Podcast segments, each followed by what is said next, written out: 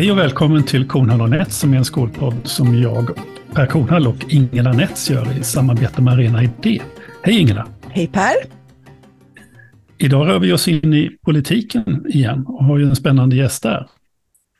Eh, och den, den som jag snart kommer att presentera, han är utbildningspolitisk talesperson för Centerpartiet, men också talesperson för cybersäkerhet och digitalisering. Där har vi ämne för ännu fler samtal egentligen. Och är riksdagsledamot från Malmö. Så välkommen eh, Nils Parup Petersen. Tack så jättemycket. Vill du lägga till någonting? Vad har du för bakgrund annars i övrigt? För du är inte bara centerpartist, tänker jag. Jag tänker att du också har ett annat liv. Eller kanske inte just nu då, men, men tidigare hade ett annat liv. Ja, det är svårt ibland att få till ett annat liv, men man försöker ju. Så, eh, jag är småbarnspappa eh, som försvinner den denna inspelningen några minuter i alla fall. Eh, vad heter det? Så har jag två underbara barn sen innan också. Eh, kommer ju ursprungligen från Danmark, vilket eh, lär eh, de flesta inte kanske upptäckte det i Danmark, men något är det i alla fall. Lär de flesta ha upptäckt nu när de har hört mig lite. Um, annars, ja, alltså jag har jobbat med, med lite olika saker, mycket, vad kan man säga, försöka analysera saker, att uh, förstå dem själv och sen göra dem lättare att förstå för andra. Uh, mycket Öresundsrelaterat, uh, så det är mycket Skåne, mm. Malmö, Danmark, mm. kopplingarna kan man väl säga. Uh, utbildad statsvetare, om det nu mm. har relevans. Det där med Öresund är spännande. Vad har Öresundsbron betytt för dig? Väldigt mycket kan man säga. Jag jobbade på Öresundsbron eh, när jag träffade den kvinnan som jag flyttade till Sverige för.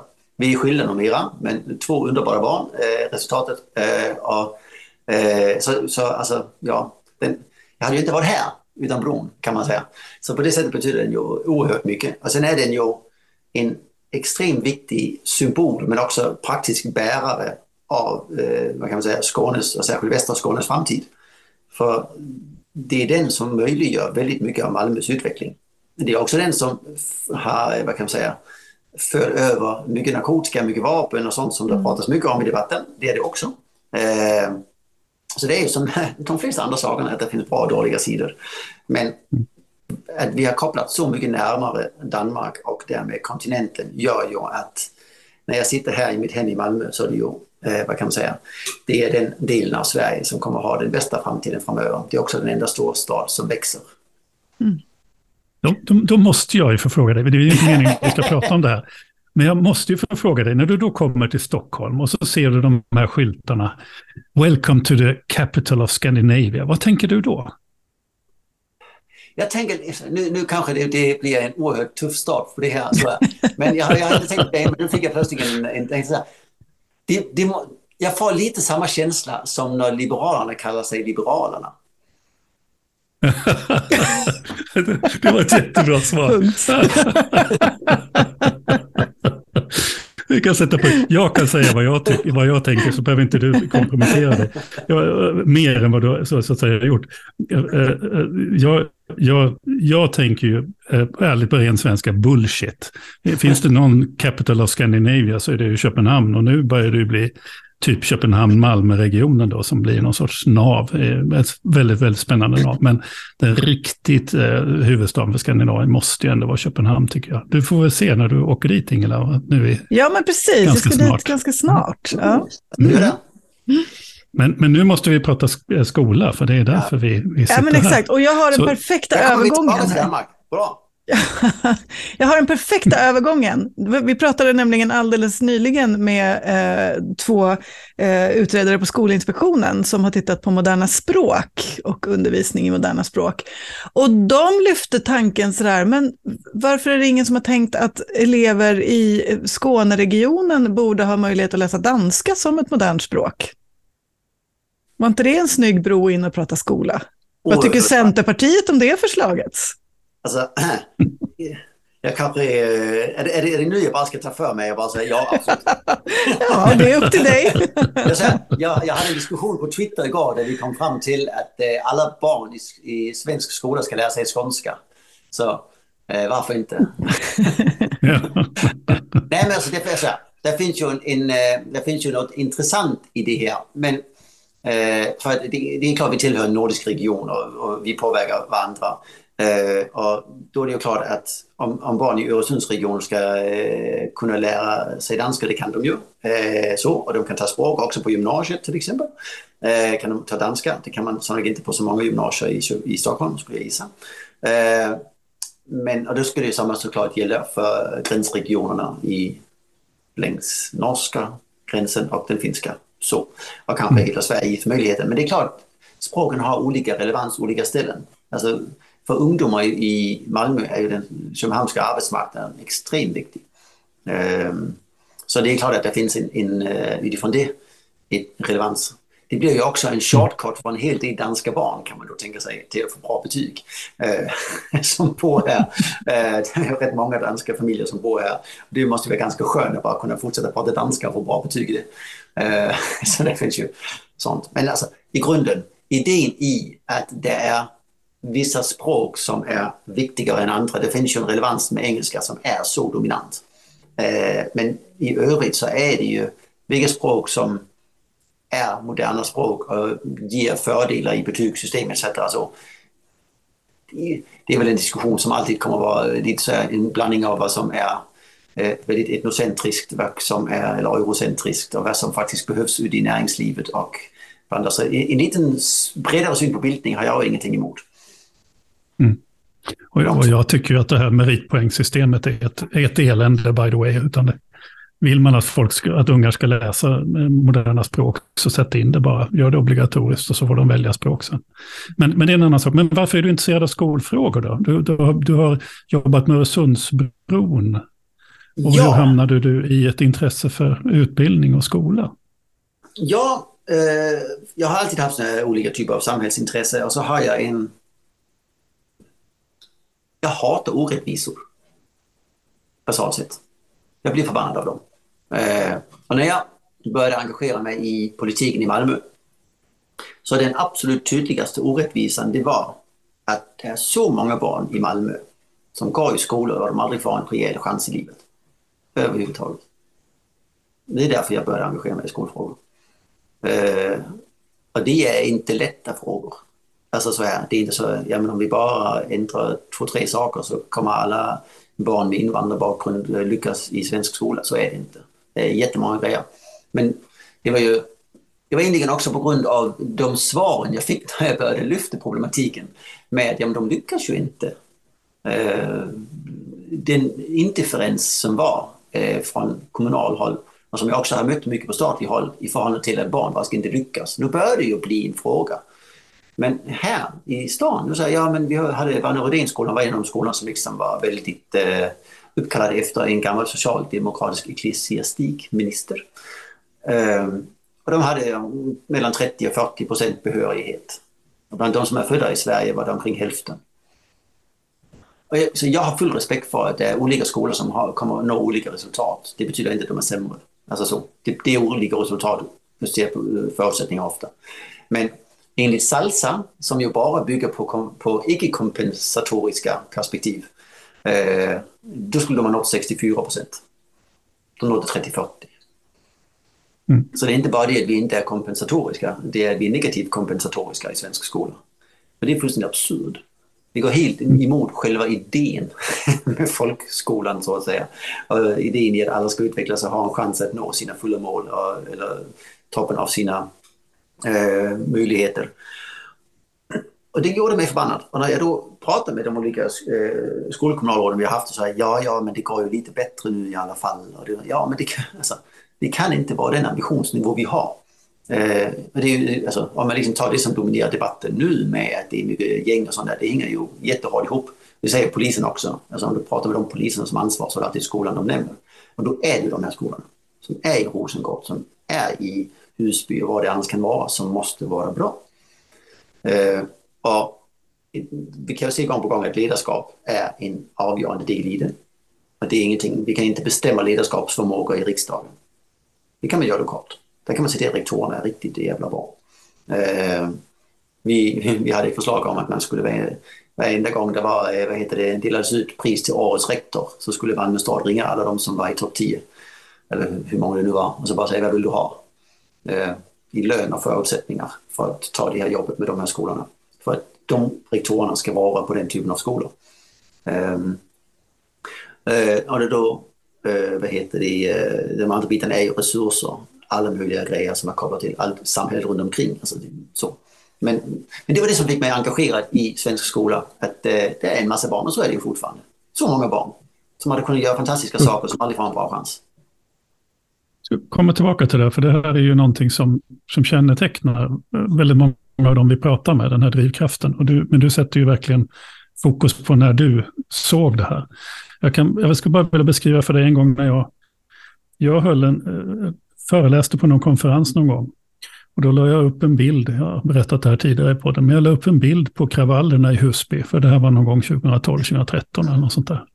Och så sa jag det att några av de här poliserna, för det var ju poliser som stod där i kravallutrustning och sånt, sa att några av de här poliserna borde ju åka upp till stadshuset. Och så tittade jag då Lotta Edholm i, i ögonen och, och sa att och ta fast de som är ansvariga för att Husbyskolan bara har 40 procent godkända eh, till gymnasiet. Mm. Därför att det är, där har vi ett, lag, ett annat lagbrott så att säga. Någon borde så. Och det, så här, det, och det är samma liksom drivkraft. Men ja. det vi också har sett nu här i podden, jag vill bara säga det, att har vi ju sett att Husbyskolan och några av de här skolorna, eller många, nästan alla skolor ute på Järvafältet, har ju gjort en resa. Och de har ju ett helt annorlunda resultat nu, på grund av det du nämner. Och det tycker jag är spännande. På grund av att de har fått resurser och på grund av att de har väldigt goda ledare där ute. Och då också lärare som jobbar, som tycker det här är meningsfullt och, och som då gör skillnad nu. Då. Så det här, det här, är ju, det här är ju en avgörande fråga i ett skolsystem kan jag tycka. Och då kommer min fråga. Den här drivkraften som du nu har, är det också Centerns drivkraft? Är det också meningen med skolan för Centerpartiet?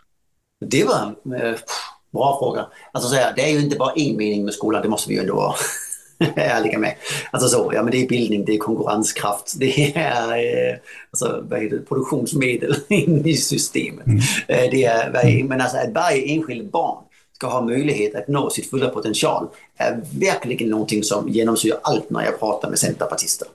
Det är in, alltså de lyfter inte saker som mobilförbud och sådana här grejer. De, de diskuterar hur kan vi ser till att alla barn får en chans att bli det bästa. Alltså, verkligen den typen av perspektiv. Det är, det är absolut eh, dominerande. Sen har vi väldigt mycket fokus på de som är på landsbygd historiskt och kommer väl också fortfarande ha ett särskilt plats där. För det är ju bara vi som bryr oss. så, och I förhållande till det här med att alla barn ska klara sig så är det ju faktiskt så att det är mycket fokus, numera som du säger, på Järva, på Rosengård etc. Så det är ingen som bryr sig om de små skolorna ute på glesbygden. Förutom vi. Mm. Och det är där resultaten är sämst. Och differensen mellan stad och land ökar just nu. Eh, och om vi inte vill ha en eh, tom glesbygd eh, utan eh, barnfamiljer eh, eller att alla barn som kommer att växa upp på glesbygd har sämre chanser än alla de som bor i stan så måste det vara fler än vi som börjar uppfatta detta. Så det kommer eh, absolut vara någonting som vi fortsätta ha. Det, det bärs ju upp av samma grundinställning kan man säga, men det är nog lite olika perspektiv. Är det då en bra position att befinna sig i opposition eller att befinna sig i liksom den smala mitten för Centerpartiet just nu? Alltså, I förhållande till, alltså vi som jag var nya partiledare har jag också sagt att, eller har, ja, ska, vad heter det, har jag också påpekat att det här med skolan är en avgörande fråga för oss. Att förvänta vår skolpolitik och se till att svensk skola blir bättre. Det är helt dominerande också för att det är den som bygger landsbygdens framtid. Eh, vi är ett landsbygdsparti jättemycket, alltså har de perspektivet. Och den, det finns ingen framtid utan en skola på landsbygden. Så eh, själva, själva den biten är ju kanske rätt praktiskt just nu att vara i opposition och forma om lite här under ett tag fram till stämman i september. Liksom. Eh, september, oktober. Och det kan ju vara skönt att man inte behöver ta ansvar under tiden. Men det är ju klart att det aldrig någonsin kan vara ett partis mål och syfte att vara någonting annat än någon som har inflytande. För det är lite dumt, alltså det är ju spill av tid att ta fram idéer och fantastiska svar och ingen, ingen pallar ta dem. Eh, så att säga. Men jag tänker så här, jag får ju jobba med perspektiv och övertyga regeringen om att eh, en del av de sakerna de tänker är fel. Så att det är en massa saker vad de får lyssna på oss istället. Eh, och det kommer de förhoppningsvis göra. De lyssnade ju på oss och andra när det kom till att ta tillbaka offentlighetsprincipen i utredningen till exempel. Mm. Eh, efter de har tagit ut den. Så de lyssnar ju lite. Vi, vi får göra det bästa. Men, men, där, men, men där är det lite spännande, för där har ju du, du och, och några av dina liksom, kamrater inom Centern drivit ju förändringar i Centerns skolfråga. När den senaste stämman ni hade så, så var ju du en av dem som liksom just tog röst för offentlighetsprincip och för eh, vad ska jag säga, det var, alltså kötiden, sänkt ersättning för friskolor, vinstbegränsningar och liksom sånt här. Oj, ursäkta. Eh, så att vad ska man säga, var är Centern på väg? Alltså för du har ju en, men, men stämman röstade ju faktiskt emot er. På vissa områden ja, på vissa ställen, på vissa grejer fick vi ju lite, eh, flyttat lite i alla fall. Eh, mm. Men så var det ju att, i, i, att jag, jag vann inte alla mina punkter på förra stämman. Eh, vi får se om vi vinner alla på nästa. Eh, nu är jag partiets officiella röst så vi får utgå ifrån att det blir fler i alla fall. Eh, vad heter det? Men det är klart att det som eh, vår nya partiledare har sagt är ju ändå rätt tydligt i att vi, vi, vi har stått på fel plats. Ja, man kan ju inte tycka att vi har stått på fel plats och så tycka att vi ska ha kvar samma politik. Det blir lite svårt. Mm. Eh, så på, på flera områden kommer vi ju behöva ta steg. Ja, att jag har fått eh, jobbet som utbildningspolitisk talsperson efter att vi har sagt att det är det viktigaste området. Och jag, jag har tyckt som jag har tyckt så är det väl också någon typ av indikation eh, på mm en riktning i alla fall. Sen, sen är det klart att det, det, är många av de här frågorna som inte är alldeles, alldeles enkla alltid. Eh, så. Offentlighetsprincip är ju en sån som säger ja, nu ska det utredas och de ska ta och titta på, vad heter det, en, en insynsprincip. Vad det nu är. Eh, mm. Vi får se vad det är för någonting. Eh, så vi får, vi får titta på vad, vad de kommer med sen.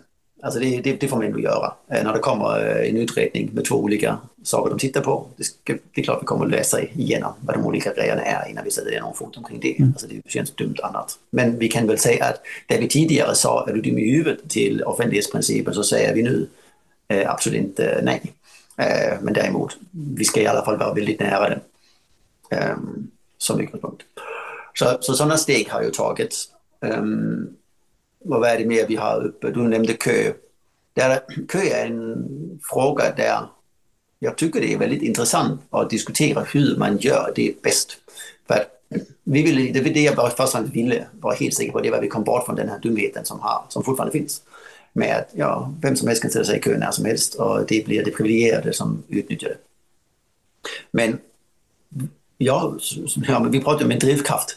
Och så här, i, som en konsekvens av min drivkraft så vill jag ju att den som växer upp i Rosengård, bor bredvid Rosengårdsskolan, kan få möjligheten att välja egentligen vilken som helst skola de vill. De ska kunna välja vilken skola som helst. Och har du ingen kö i en stad som Malmö till exempel, eh, då kommer inte de ha en chans att komma in på Linnéskolan i Limhamn. För då är det närhetsprincipen som dominerar och inget annat. Vad, och så, så, är det ju nu. Alltså, om inte du har kö så är det ju närhetsprincipen. Liksom. Mm. Um, om, du då har en, om du då har någon typ av ventil som inte täcker för mycket och allting och sånt där, så är det kanske inte helt fel att ha någonting sånt. Just för att säkra att alla elever ska kunna välja vilken skola som helst. Och det är där det blir många av de här enkla, alltså de enkla grejerna. Bort med vinst, bort med kö, bort med allt. Uh, kanske i verkligheten är lite mer avancerad. Jag skulle, vilja utmana, skulle vilja utmana dig lite grann när du säger ja, att det är din ja. driv. För nu, som, som, jag, som jag uppskattar och som jag delar och som resten av alla lärarkåren och, och rektorkåren och, och, alla som jobbar på skolmyndigheter delar och så. Men, men det är ju faktiskt så, det är ju rätt intressant ändå att du sitter som politik, politisk företrädare och säger att ja, det här är min drivkraft. Men, men det här är ju faktiskt drivkraften i regeringsformen och i skollagen. Alltså det här är faktiskt värden i skolan som vi har egentligen en gång enats om. Men vi har ju fått en politik som driver åt ett annat håll. Riksrevisionsverket säger att så som skolpengen fungerar nu i Sverige idag så blir det inte likvärdigt. Alltså vi har skapat system som driver bort ifrån det vi faktiskt har kommit överens om. Ja.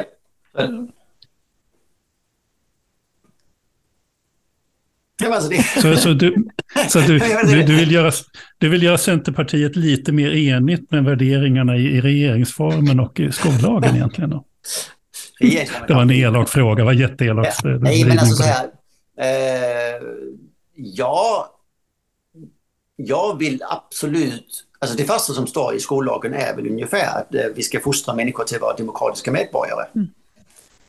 Um, demokratiska medborgare har val. Alltså det, det är faktiskt så.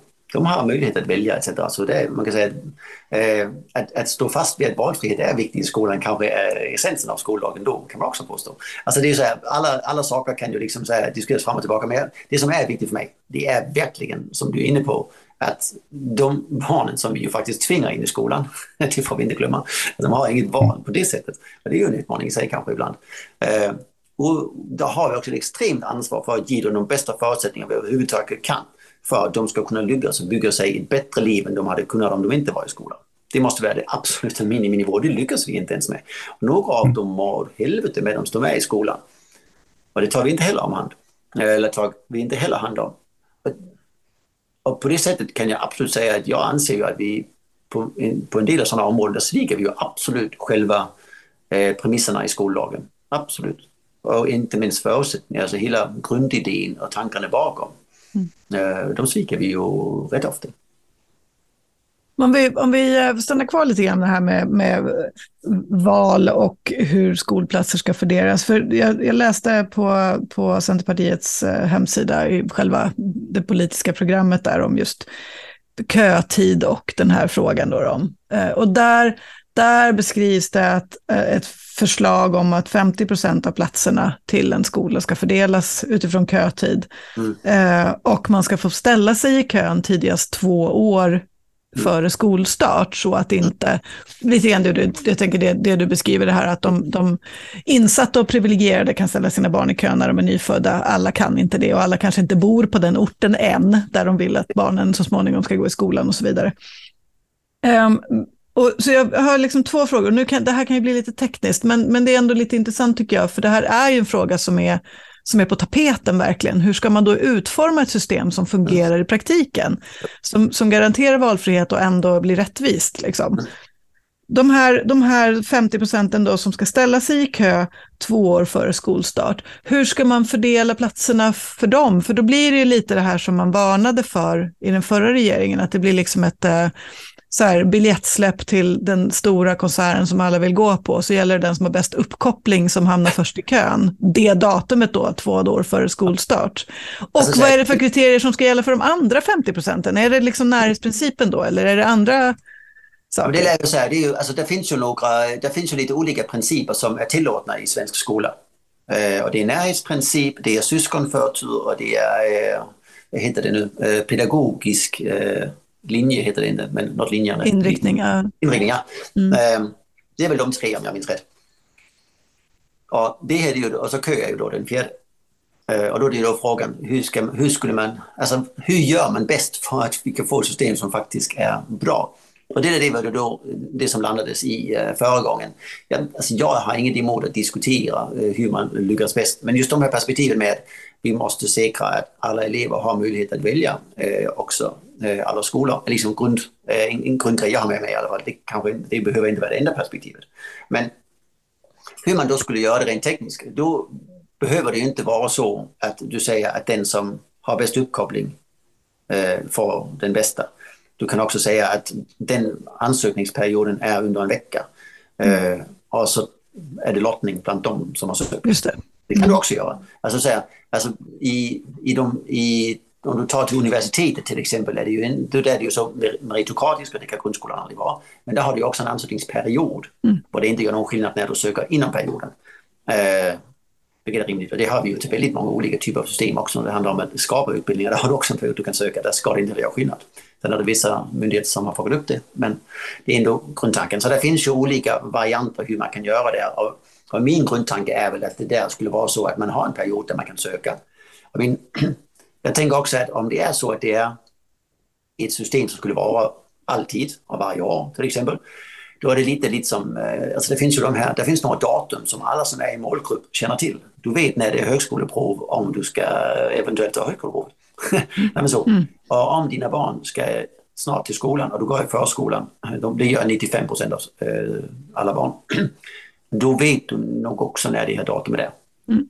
Om det är en sån. Så mm. på det sättet kommer det ju från att det som det är nu, att det bara är ett fåtal privilegierade som tänker på att ja, nu har jag fött ut ett baby så nu ska jag ta fram mobilen och lägga mig i kö. Liksom. Varemot det där det skulle vara på ett helt annat sätt brett.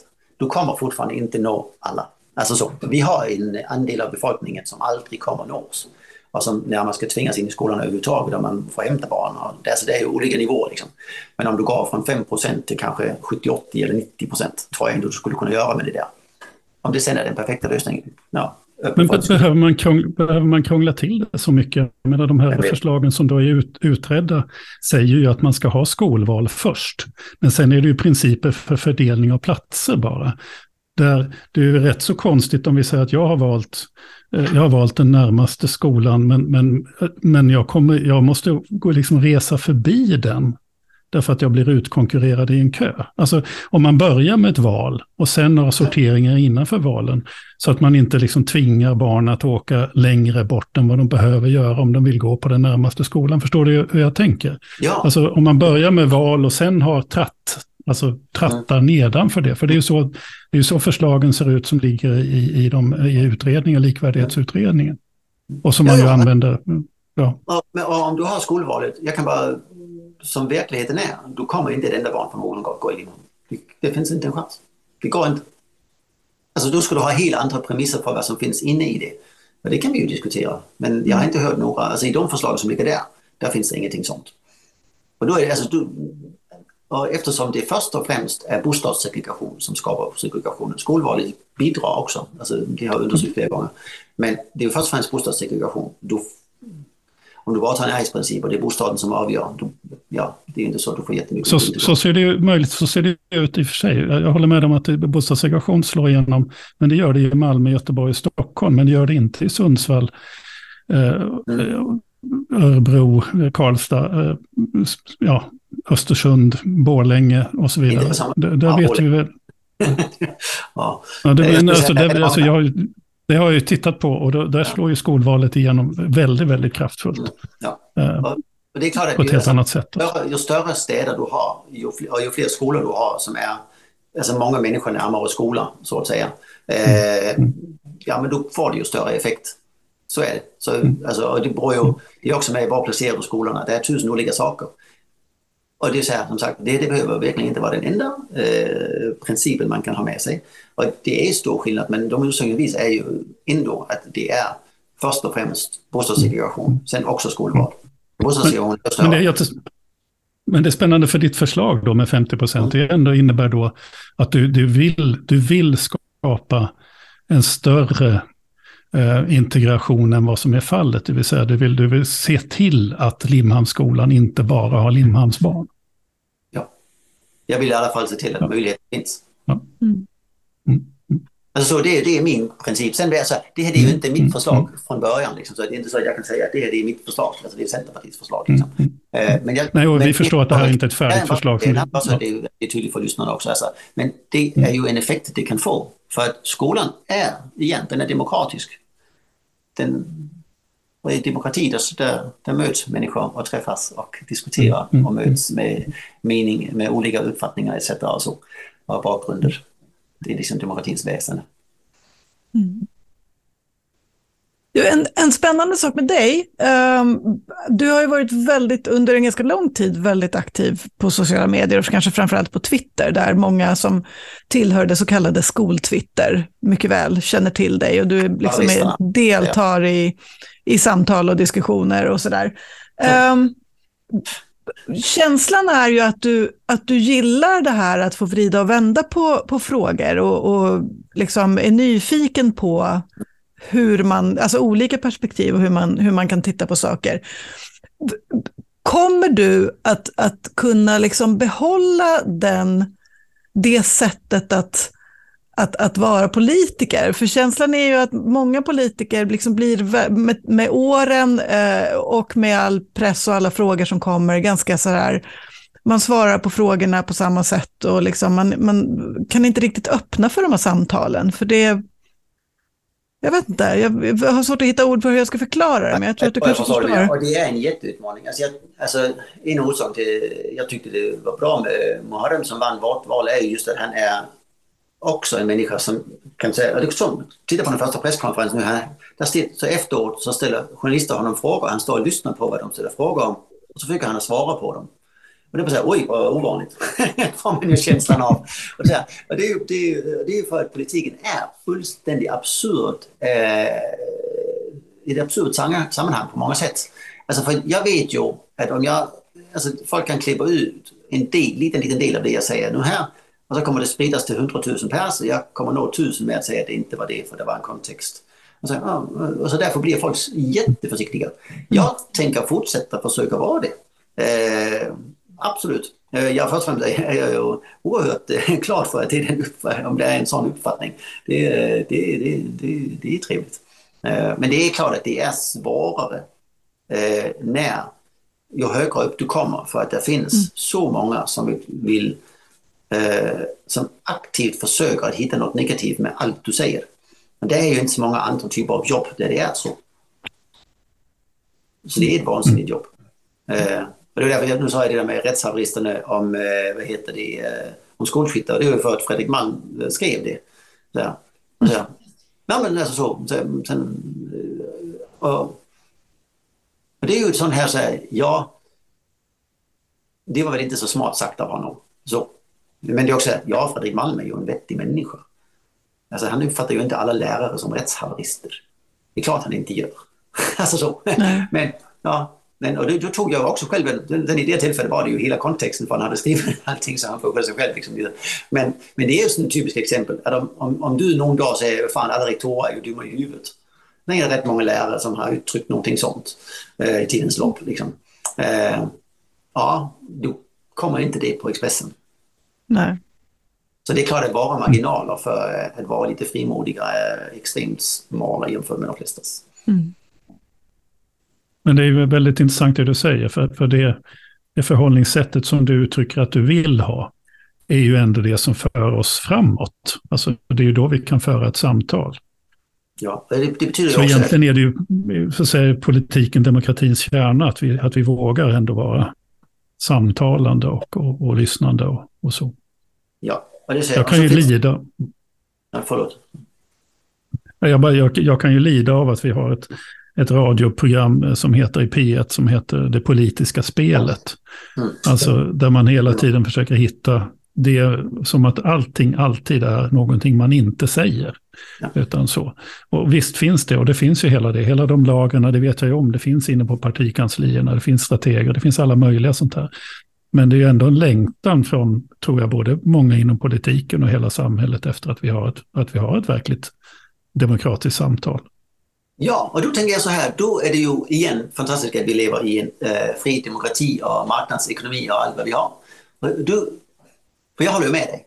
Eh, och det är, det är faktiskt inte heller ett enda program i svensk media om EU, vilket i sig själv är lite fantastiskt med tanke på att det är de som bestämmer allt. eh, ring P1, alltså ring till dem, till ledningen och säg hej, jag vill gärna göra ett program som heter Politiska samtalet istället för Politiska spelet. Så kan inte jag få lov att göra det tillsammans med de här och de här. Så kan du hitta, nu är det ju en del som lyssnar på det så de kan väl eh, putsa in om de också är intresserade eller har tips på en som kan vara med. Men för det är ju helt rätt. Alltså, ja, men just nu är det här en fråga som är uppe, en viktig fråga. Låt oss ta ett samtal omkring det. Den första som låter som om de eh, bara kommer med talpunkter och åker ut. Liksom. Ehm, Uh, det finns ju många, det, det, det, är ju ingen som hindrar i sig eh, möjligheten att göra det. Och jag tar jättegärna mycket fler samtal eh, mm. om politik, för det blir ju som du säger väldigt ofta fördummande. Men ni, ni borde apropå eh, några av de frågorna, lyssna på eh, debatten om skolpeng som var eh, nu här. Det var faktiskt rätt så i onsdags, vill jag säga. Vilket datum har vi idag? Idag har vi den 24 mars när vi får spela in här, så den 22 mars. Vad heter det? Hyfsat bra egentligen, flera olika perspektiv och så eh, som kan vara värda att se. Det finns ju också ett samtal. När vi är i kammaren är det ju ibland, delar av det var inte särskilt imponerande, men delar av det var ju också lite samtalsaktigt ändå. Mm. Jag uppfattar ju att det finns ju ett samtal hos er uppenbarligen i Centern om förflyttning.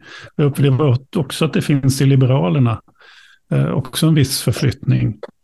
Min bara spaning sådär, är det det att ni, ni liksom knyter lite grann tillbaka till folkrörelsen, till medlemskåren i de här frågorna? Alltså istället för Stureplanscentern så blir ni lite mer folkrörelsecentern om man ska vara... Men Stureplanscentern är ju folkrörelse. karikera det hela. Ja, men det, för det, det som är så intressant är att de som var med i Stureplanscentern är ju folk som verkligen, verkligen har byggt saker själv väldigt mycket. Eh, så. Eh, och som är med aktivt i eh, andra typer av lokala sammanhang. Eh, kyrkor, eh, vad heter det, eh, lokala eh, råd för att se till att vägarna lokalt funkar. Etc. De var ju med och byggde det här utifrån ett perspektiv om att eh, den typen av frihetsperspektiv eh, behövs ju också i stan. Eh, mycket. Så det, det var faktiskt en, en del bärande i det. Så, det. så på många sätt och vis har man ju har det varit några rätt starka kopplingar eh, emellan. Men det är klart att när folk de tänker Stureplanscentern så tänker de inte eh, någon som eh, åker runt i en traktor. Det gör man kanske annars i övrigt när man eh, lyssnar, eh, hör både Centerpartiet. Men vi lyssnar självklart på medlemmarna, det är ju det, är ju det stämmorna är till för. Men det är också så att på stämmorna det är det också så att om partiet och partistyrelsen går upp och säger nu tycker vi att det borde vara så här, så är det, så är det ju utgångspunkten. Så, alltså det, det är inte så att om det då är en, eh, ett par medlemmar som går upp och säger någonting annat så är de, eh, är de förslagen per definition eh, jämlikt uppfattade. Det är alltid så att partistyrelsen uppfattas mer, särskilt om hela partistyrelsen är uppe och pratar. Eh, så att säga.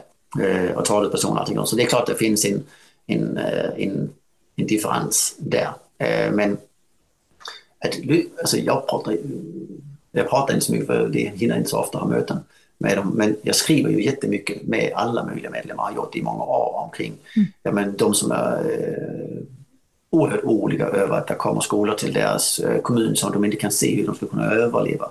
Så jag hade, hade ju medlemmar som har skrivit alltså, i flera år. Liksom.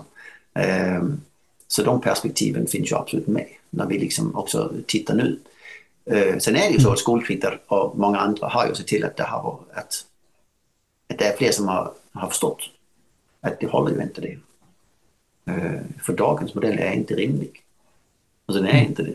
Alltså verkligen inte. Och det är, för mig, alltså just nu är det mycket fokus på själva resursfördelningen. Offentlighetsprincipen det är en utredning och det kommer inte hända något, det vet vi. Um, kö är inte så avgörande i det breda, skulle jag säga. Det är, ja, det är vissa skolor som var stor effekt, men i det stora breda systemet är det inte kö som avgör. Varemot resursfördelningen är det som verkligen, verkligen avgör. Hur ska vi så tänka där då? Med resurser, eller hur tänker Centern kring resursfördelning? Ja, alltså vi, vi är ju med, mitt i ett arbete. Eh, så, så var precis vi landar men hur det ska se ut kan jag faktiskt inte säga i dagsläget. Alltså, uppriktigt, vi, har, vi vet inte. Eh, som Linnea Lindqvist sa eh, nyligen, alltså, de har ingen politik. Eh, och ju, ja, men vi, är, vi är inte där. Verkligheten är väl lite så att eftersom vi inte har satt ner foten på en del frågor som är väldigt, väldigt viktiga så är det ju i viss mån sant. Men om vi inte, man kan ju mer säga att vi har ingen färdig policy, men vi har ju absolut inriktningar. Och det som är den inriktning som, som jag eh, har med in i, eh, i att hitta en ett bra svar på resursmodellen det är ju att säga, grundproblematiken med dagens modell Eh, är ju, jag utgår från lyssnare här har hyfsat koll på skolmodellen, eh, skolpengen, men vi kan ta en snabbt så här. Ja, när en kommun har anställt sina lärare, byggt sina, så här, när de vet hur mycket allting kostar i den kommunala skolan, så har de en peng per elev. Låt oss, eh, jag tror det är omkring 120 000 i genomsnitt numera. Men låt säga 100 000, lätt att räkna med. Eh, och så, kommer det, så är det en fristående skola. Och oavsett den fristående skolas kvalitet eller kostnader eller någonting sånt så får du 100 000 spänn. Sen kan det varieras med socialekonomiska förutsättningar och lite sånt. Men det är liksom grundmodellen. Och det är ju inte så många andra områden där du får, som företag får betalt för en annan organisations kostnader. Och det är en absurd modell. Så um, om man liksom Problemet är ju då att i praktiken om en kommun säger demokratiskt vald eh, i fullmäktige till exempel att men här, vi vill verkligen att elevhälsan ska vara fantastisk. Så vi satsar jättemycket pengar på det. Och så säger de, vi vill ha bemannade skolbibliotek för vi vet att bemannade skolbibliotek gör skillnad. Eh, eller hur Per? Eh, vad heter det? Och eh, vi vet till exempel att eh, behöriga lärare, det är också en sån sak som vi vet gör skillnad eh, i resultat. Jättetydligt. Eh, det är en av de få sakerna vi verkligen väldigt tydligt kan säga. Eh, när man liksom tittar på, ja, men det satsar vi på. Så blir skolan dyr. För behöriga lärare kostar mer än obehöriga. Eh, skolbibliotek som är bemannade kostar mer än att ha tre böcker på en, på en vägg. Liksom. Och elevhälsa är också utbildad personal som ska sitta där och personal kostar pengar. Och då ska du betala varenda fristående skola som är i din kommun för det. Oavsett hur mycket elevhälsa de har, oavsett om de har bemannat bibliotek eller inte. Och oavsett om, de, om du som kommun har 100% behöriga lärare, så om de bara har hälften behöriga lärare, så ska du ändå betala dem som om de hade 100% behöriga lärare. Och det betyder ju att ju sämre kvalitet du har, ju, fler, ju, ju högre vinst gör du.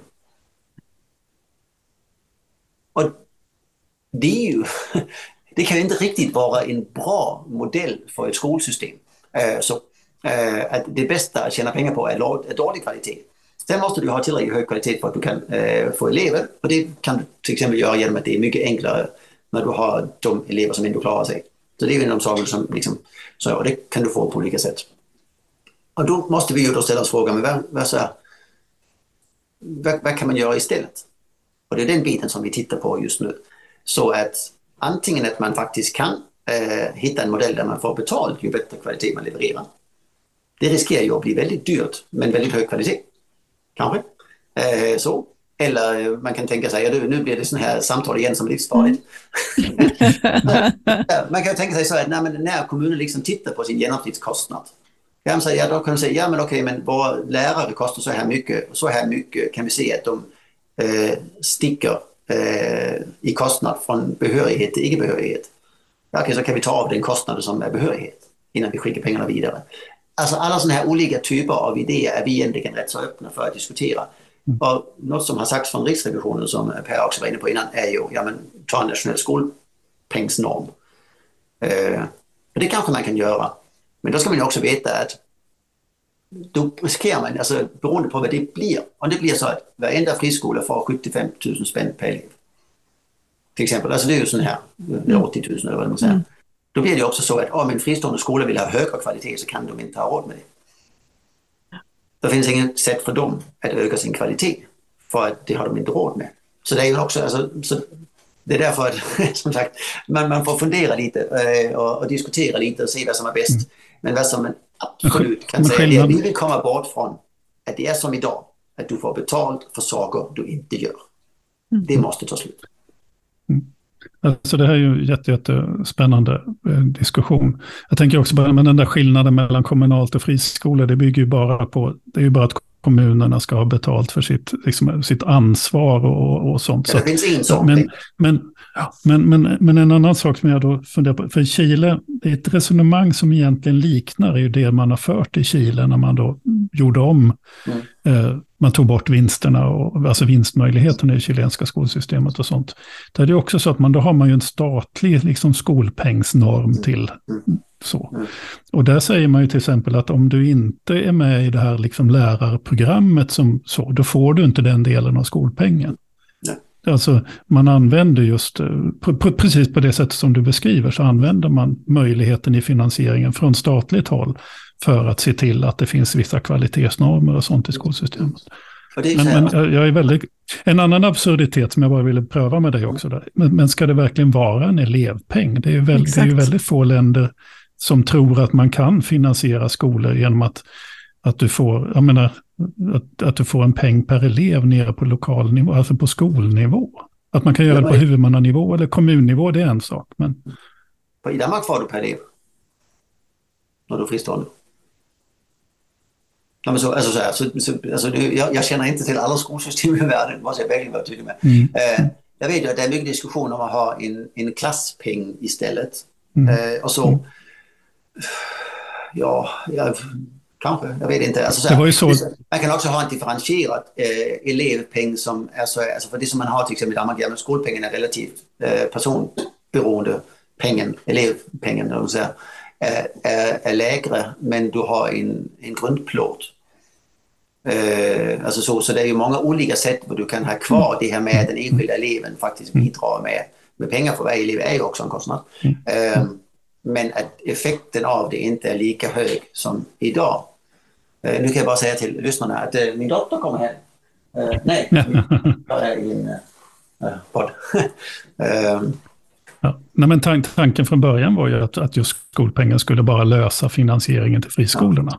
Ja. Så att friskolorna verkligen skulle ha pengar. Men sen har det ju blivit så att alla kommunala skolor också drivs. De skulle ju mycket väl kunna drivas med budgetförfarande istället. Och så. Men, men det, alltså, jag vill inte säga att jag föreslår det ena eller det andra, jag bara tycker det är spännande att vi har den här diskussionen. Och det behövs ju, den diskussionen behövs. Och det behövs göra som sagt. Det det var min fru som kom hem med ett barn som skulle ha gått till eh, eh, ett eh, typ eh, vårdbesök typ. Eh, och som nu är här istället, vilket det inte borde vara. Så kan vi ta två minuters paus. Absolut. Ja, vi, Absolut. vi, vi kan ju Det gör också, vi. ja, absolut, det gör vi. Välkommen tillbaka.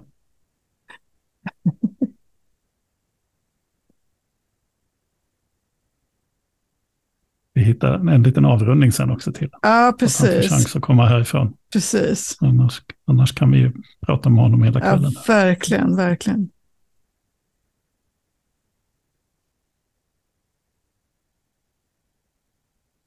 Jag sitter och ser på mig själv. Det är nog dags att kapa det där skägget.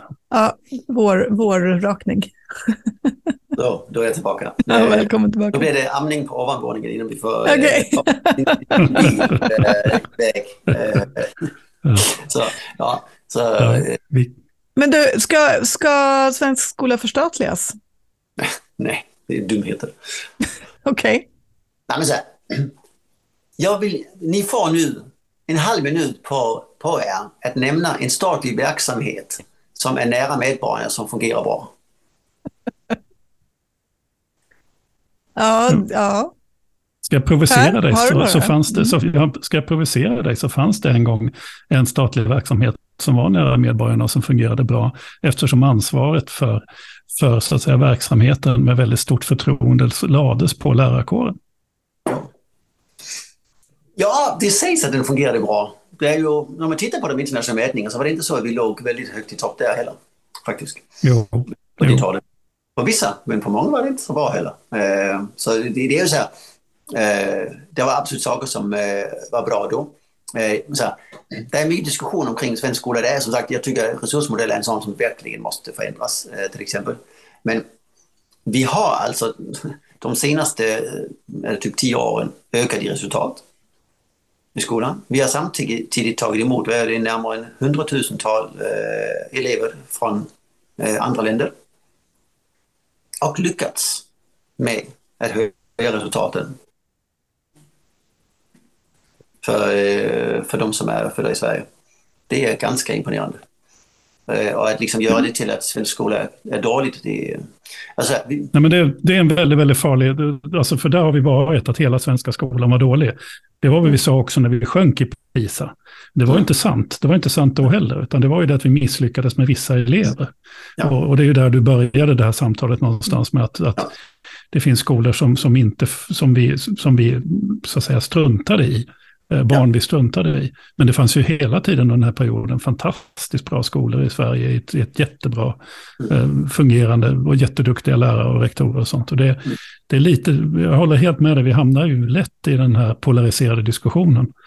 Mm. Eh, På samma sätt som att vi inte är tillräckligt stolta över den fantastiska, hur skickliga vi har varit på att just att ta hand om. Vi tog emot åtta gånger fler eh, nyanlä- alltså flyktingar under Syrienkrisen per capita än något annat land i Europa. Och de, ser, de, de beundrar ju oss för det. ja. Ja, men så här, och det är så här. Så, jag- det, alltså, så det finns andra bilder av det här. Ja, och det, det är klart att den sista PISA-undersökningen där bara gör problem med att lita på resultaten när det kommer till just de nyanlända. Men när det kommer till de som är födda i Sverige, som har varit här länge, där var det ingen diskussion. Det resultatet var lika crisp som alla andra har varit. Eh, så kan man diskutera den metoden. Men alltså den, bland de som är födda i Sverige ökades resultatet samtidigt som man tog hand om oerhört mycket, människor, mycket människor som kom in i skolan. Det är en enorm bedrift. Och Sveriges lärare och rektorer och alla andra som är ute på skolorna har verkligen gjort ett hästjobb för att lyckas med det. Och, och, och det måste liksom tas med i de här diskussionerna också att, att det är faktiskt rätt så mycket som har gjorts som är riktigt, riktigt imponerande. Uh, och jag tycker det blir lite dumt när, och det är det också i det politiska, det liksom så här, lätt blir som om att allting är åt helvete och eh, marknadsskolan har förstört allt. Och sådär. Ja, alltså, den fanns ju på den tiden också, man bryr med det. Uh, så, sen är det ju inte där uh, det största ansvaret har tagits inom folkhälsan, det kan vi vara helt överens om. Men alltså, det är ju saker som kan bli mycket, mycket bättre. Och som sagt, resursmedel först och främst, men låt oss också vara väldigt stolta över stora delar av det som vi faktiskt gör i svensk skola. Och när jag säger vi så är det ju helt fel, för jag har inte gjort skit. Vi kanske ska släppa det, för vi vet att du har bråttom till något annat. Men vi hade, Ingela hade skrivit upp en fråga som, som, som är på ett helt annat plan. För hon skrev att för din fru är också riksdagsledamot. Pratar ni om någonting? Okej. Okay. okay. Mm. Pratar ni om något annat än politik vid köksbordet?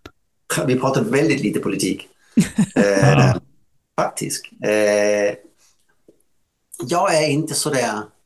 Det är klart jag är politisk junior på sätt och vis, eh, absolut. Eh, det är nog de som säger att jag inte kan prata om alla liv i små. Eh, och det är klart att jobbet kommer upp och så som i alla andra. Eh, så det är vissa saker som hon fattar som många andra eh, som man hade kunnat vara gift med inte hade förstått. Liksom så. Eh, men vi pratar jättemycket om annat. Vi pratar jättemycket om eh, samhället, vi pratar mycket om normer, vi pratar mycket om hur människor fungerar, vi pratar mycket om vår familj såklart. vi pratar om hur fan får vi ihop vårt liv överhuvudtaget. eh, det kan vi orimligt mycket tid på. Eh, vi pratar om kärleken, vi pratar om ja, men, stad och land pratar vi en hel del om och sånt. Alltså, ja, diverse delar som livet har att bjuda på av samtal. Men rätt så lite sådär, alltså om man tittar på politiska spelet eh, som du nämnde innan, den typen av politik pratar vi nog inte om överhuvudtaget. Men du, rent här praktiskt, pendlar du mellan Stockholm och Malmö? Ja, jag, jag bor i eh, Stockholm tisdag till torsdag varje vecka. Okay. Mm. Um. Och vad har du, vad har du liksom på agendan nu närmsta tiden? Vad är, vad är dina stora viktiga arbetsuppgifter här fram till sommaren kanske?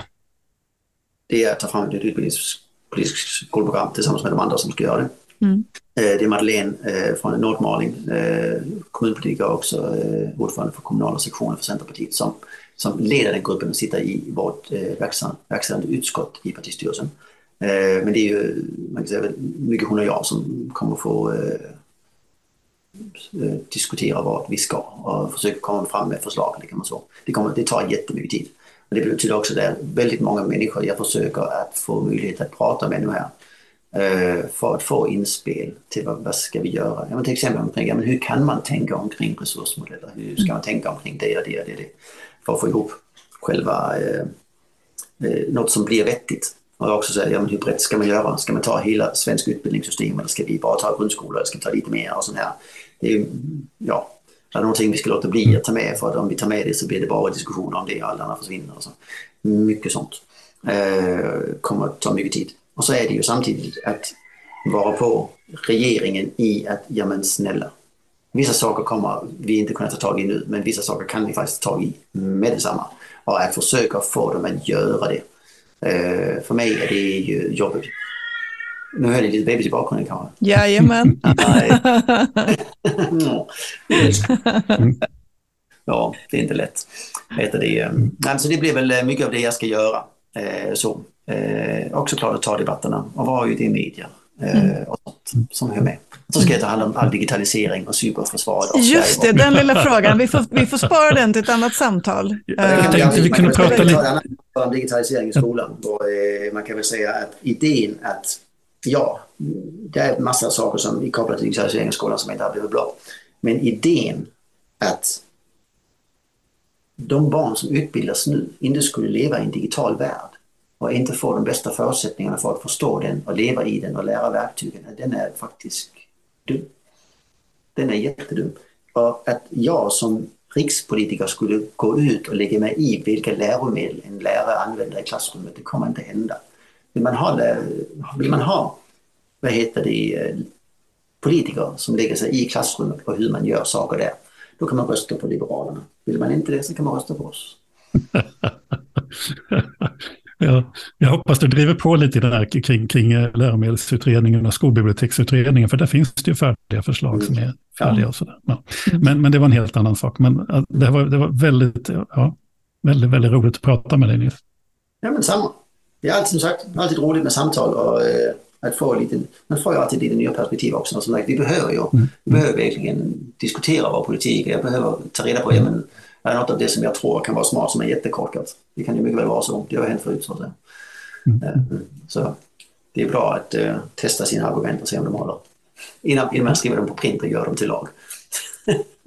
Så grattis alla, grattis alla centerpartister som är skolengagerade nu som får en chans att vara med i det här samtalet nu då, som ni ska föra om, om mm. Eh, Centerpartiets skolpolitik. Vi ska försöka så... få lite breda samtal inom mm. partiet innan också så att vi också mm. liksom kan försöka lyssna in på det sättet. Mm. Det är inte helt lätt, ja, men det digitala igen. Mm. Så väntar vi med spänning då på vad som, vad som landar på partistämman där någon gång i september-oktober. Jag med. Härligt. Jag önskar dig lycka till med detta. Ja, tack. Tusen tack. tack för att du var med, Nils Paro Petersen. ha det gött. Ha det bra. Hej. Tack. Hej då.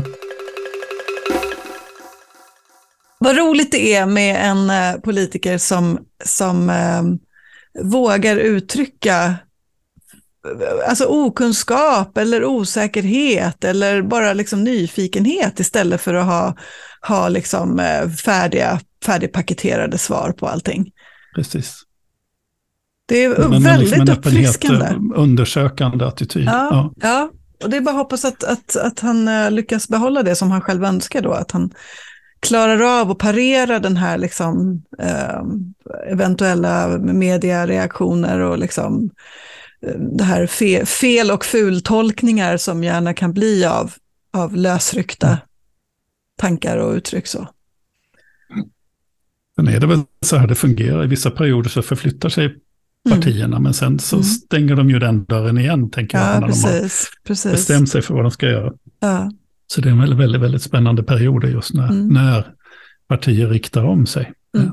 I politiken på grund av, mm. av faktiskt hur, hur, hur, verkligheten ser ut. Då. För man mm. kan ju ha tyckt en sak och drivit i en riktning och sen har det faktiskt inte blivit så bra. Nej, och då precis. behöver man ju så att säga, göra om och göra rätt som vi säger. Mm. Ja, nej, men om man kan... Eller rättare, försöka göra rätt. Ja, men verkligen. Man kan väl känna sig lite sådär, det var väl fasen att de inte kom på det här för ett år sedan. Mm. Vi hade kanske haft ett helt annat politiskt skollandskap om Centerpartiet mm. hade fört den här typen av samtal tidigare. Mm. Um, och landat i andra liksom, eh, slutsatser. Men, men någonstans, ja, vi vet hur det är. Liksom. Man, man fattar de beslut som man bedömer är vettigast i just det tillfället och den kontexten. Och det, det får vi leva med, att även politiker är människor. Sen, sen var det ju, tycker jag, väldigt uppfriskande också med att han utgick ifrån de här grundläggande värderingarna, vad skolan är till för. Mm. Vad, mm. vad vi ska göra ja. om, om, om, likvärdighet och rättvisebegrepp, ja. demokrati, ja. fundamentet i svensk ja. skola. Det tror jag är, är ju centralt för att om vi ska få kunna enas i skolfrågor, mm. så är det att vi vi har någonstans samma grundläggande drivkraft. Sen kan vi mm. diskutera vilka medel vi ska ha för att nå det målet. Men mm. vi måste ju faktiskt vara överens om målet. Mm. Så det tycker jag är. Jag har ju varit på en konferens i, i Bryssel här förra veckan där jag, där som, gick, som handlade om, om, om utvecklingen, fantastiska utvecklingen av Estlands skolsystem. De är ju numera mm. bäst i Europa. Ja. Man mäter PISA, likvärdighet och, och sånt där. Och det, det beror ju på att de har haft ett samhälle som väldigt tydligt har samlat sig kring att bygga ett bra skolsystem för alla barn.